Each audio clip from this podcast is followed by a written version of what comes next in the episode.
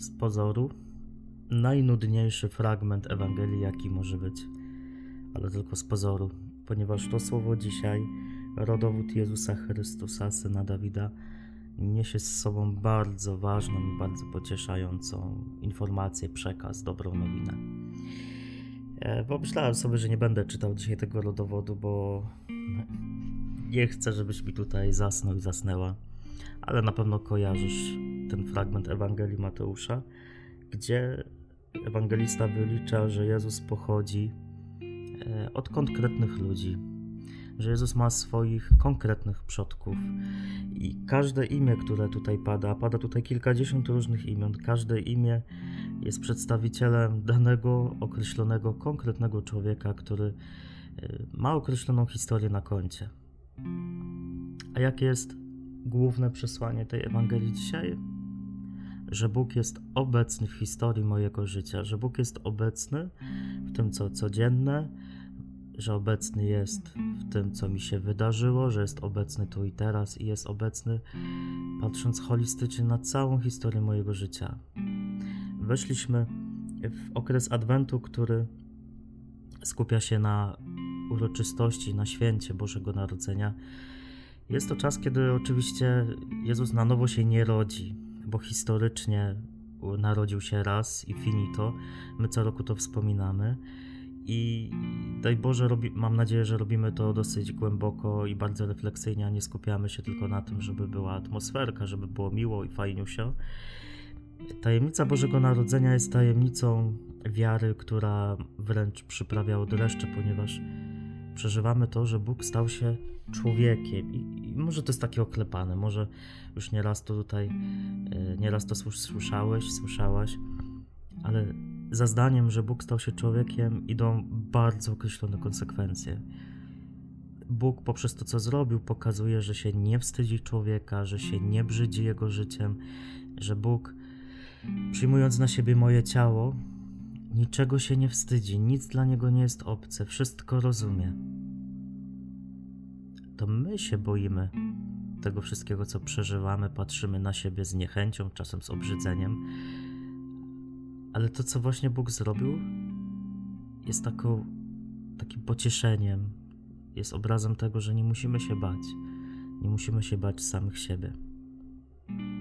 Więc myślę, że w tych ostatnich rozważaniach adwentowych często do tej myśli będę wracał, do tej bożonarodzeniowej myśli, do tego, że Bóg padł na kolana obok mnie po to, żeby mnie z mojego gnoju podnieść.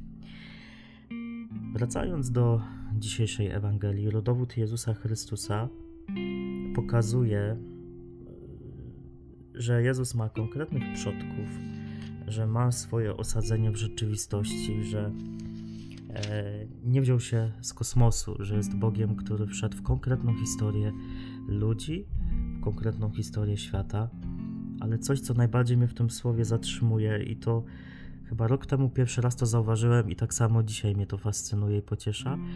Yy, w rodowodzie Jezusa są ludzie, którzy, mówiąc ładnie, nie mają zbyt pięknego CV. Wielu ludzi, którzy Jezusa poprzedzili, to byli ludzie bardzo grzeszni, bardzo pogubieni, ludzie, którzy no, nie byli nieskazitelni. I piękne jest to, że Jezus się nie wstydzi swoich przodków, pokazując, że on wie, że grzech, że słabość są wpisane w naszą historię. Że Bóg się nie dziwi tym, że ja w swojej historii życia popełniłem już tyle błędów, że już tyle razy zjechałem na pobocze, że już tyle razy się zagubiłem, a gubiłem się w życiu mnóstwo razy, jeszcze będę się pewnie gubił. No piękne to jest. Rozważając to słowo dzisiaj, spróbuj też patrzeć tak na swoją historię życia, że cokolwiek by tam się w niej do tej pory nie wydarzyło, nawet jeśli jest bardzo grzeszna i pogubiona, to dla Boga jest święta, to dla Boga jest ważna i że Bóg chce być obecny w Twoim życiu bez względu na to, co się wydarzyło. E, spójrzmy na paru bohaterów tego rodowodu, Oczywiście o każdym z nich dużo można byłoby mówić, ale ja bym chciał takie największe smaczki wyciągnąć.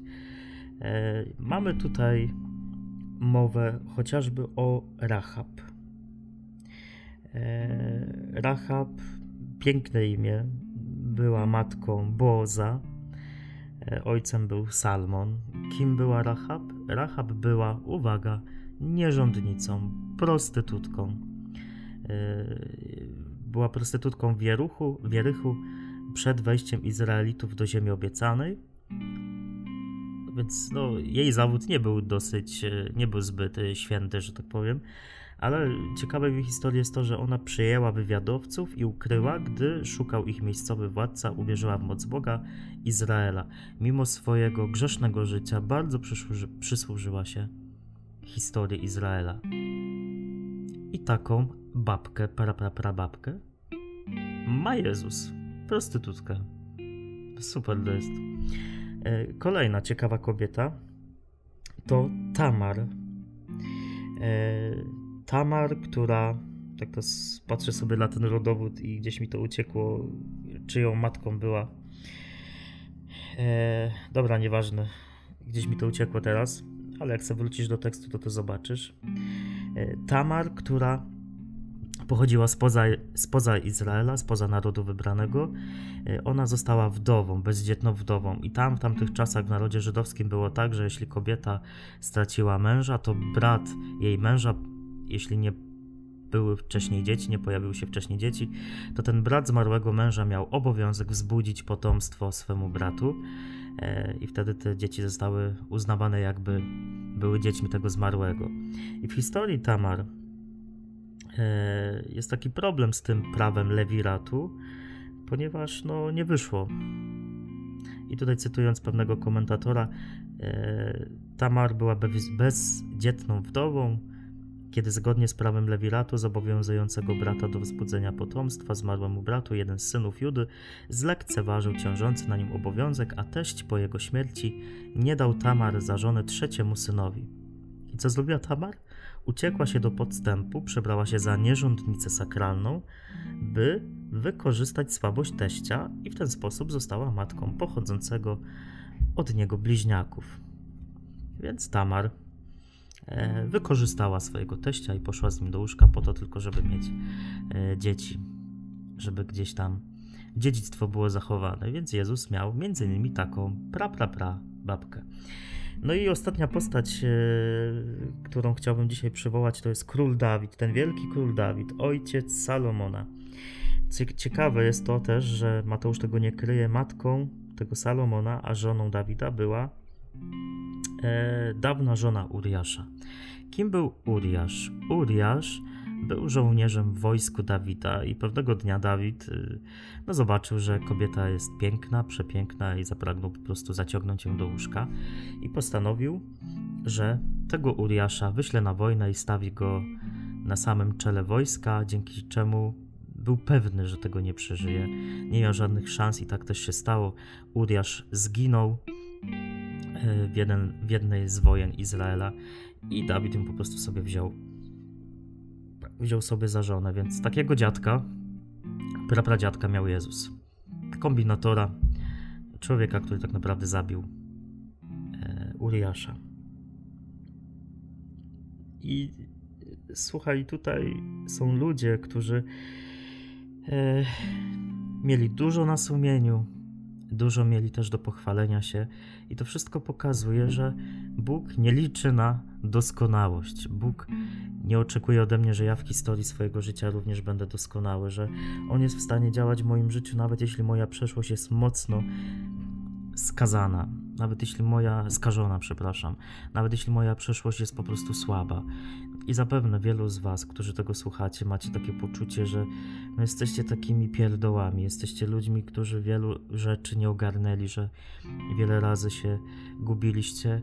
No i, i trudno, no, było to było i nie ma co drążyć tematu. Jakby przed Jezusem mogę stanąć z całą historią swego życia, a on powie, a i tak zrobię z ciebie kogoś, i tak zrobię z ciebie kogoś pięknego, dobrego, świętego. Papież Franciszek e, powiedział do tej Ewangelii takie słowa, że w Ewangelii usłyszeliśmy rodowód Jezusa, który nie jest zwykłym wykazem imion, ale żywą historią. Historią ludu, z którym Bóg wędrował i, stawszy się jednym z nas, zechciał nam ogłosić, że w jego krwi płynie historia sprawiedliwych i grzeszników, że nasze zbawienie nie jest zbawieniem sterylnym, laboratoryjnym, ale konkretnym, zbawieniem biegnącego życia. Ten długi spis mówi nam, że stanowimy małą cząstkę wielkich dziejów i pomaga nam wystrzegać się przesadnego zabiegania o to, by odgrywać główną rolę. Pomaga nam unikać pokusy ucieczki w duchowość, nie odrywać się od konkretnych współrzędnych historycznych, w jakich przychodzi nam żyć. Ponadto włącza w naszą historię zbawienia te ciemniejsze lub smutne karty, chwile rozpaczy i opuszczenia, porównywalne z wygnaniem.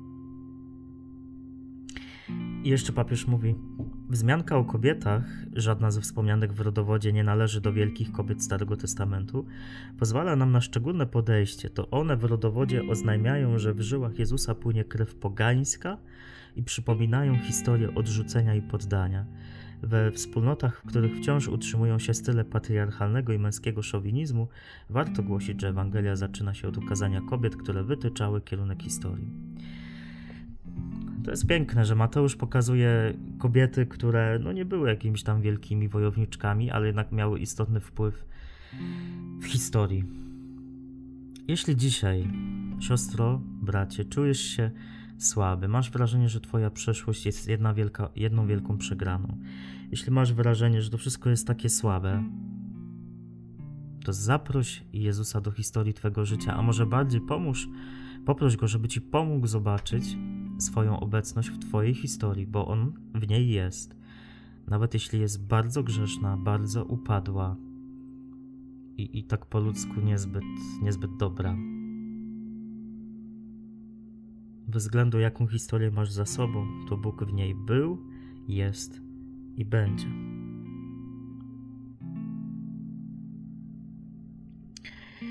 I chciałbym zakończyć słowami z Księgi Rodzaju, E, istotny moment w historii Jakuba, który zwołuje swoich synów i ich błogosławi. I do Judy mówi takie piękne słowa.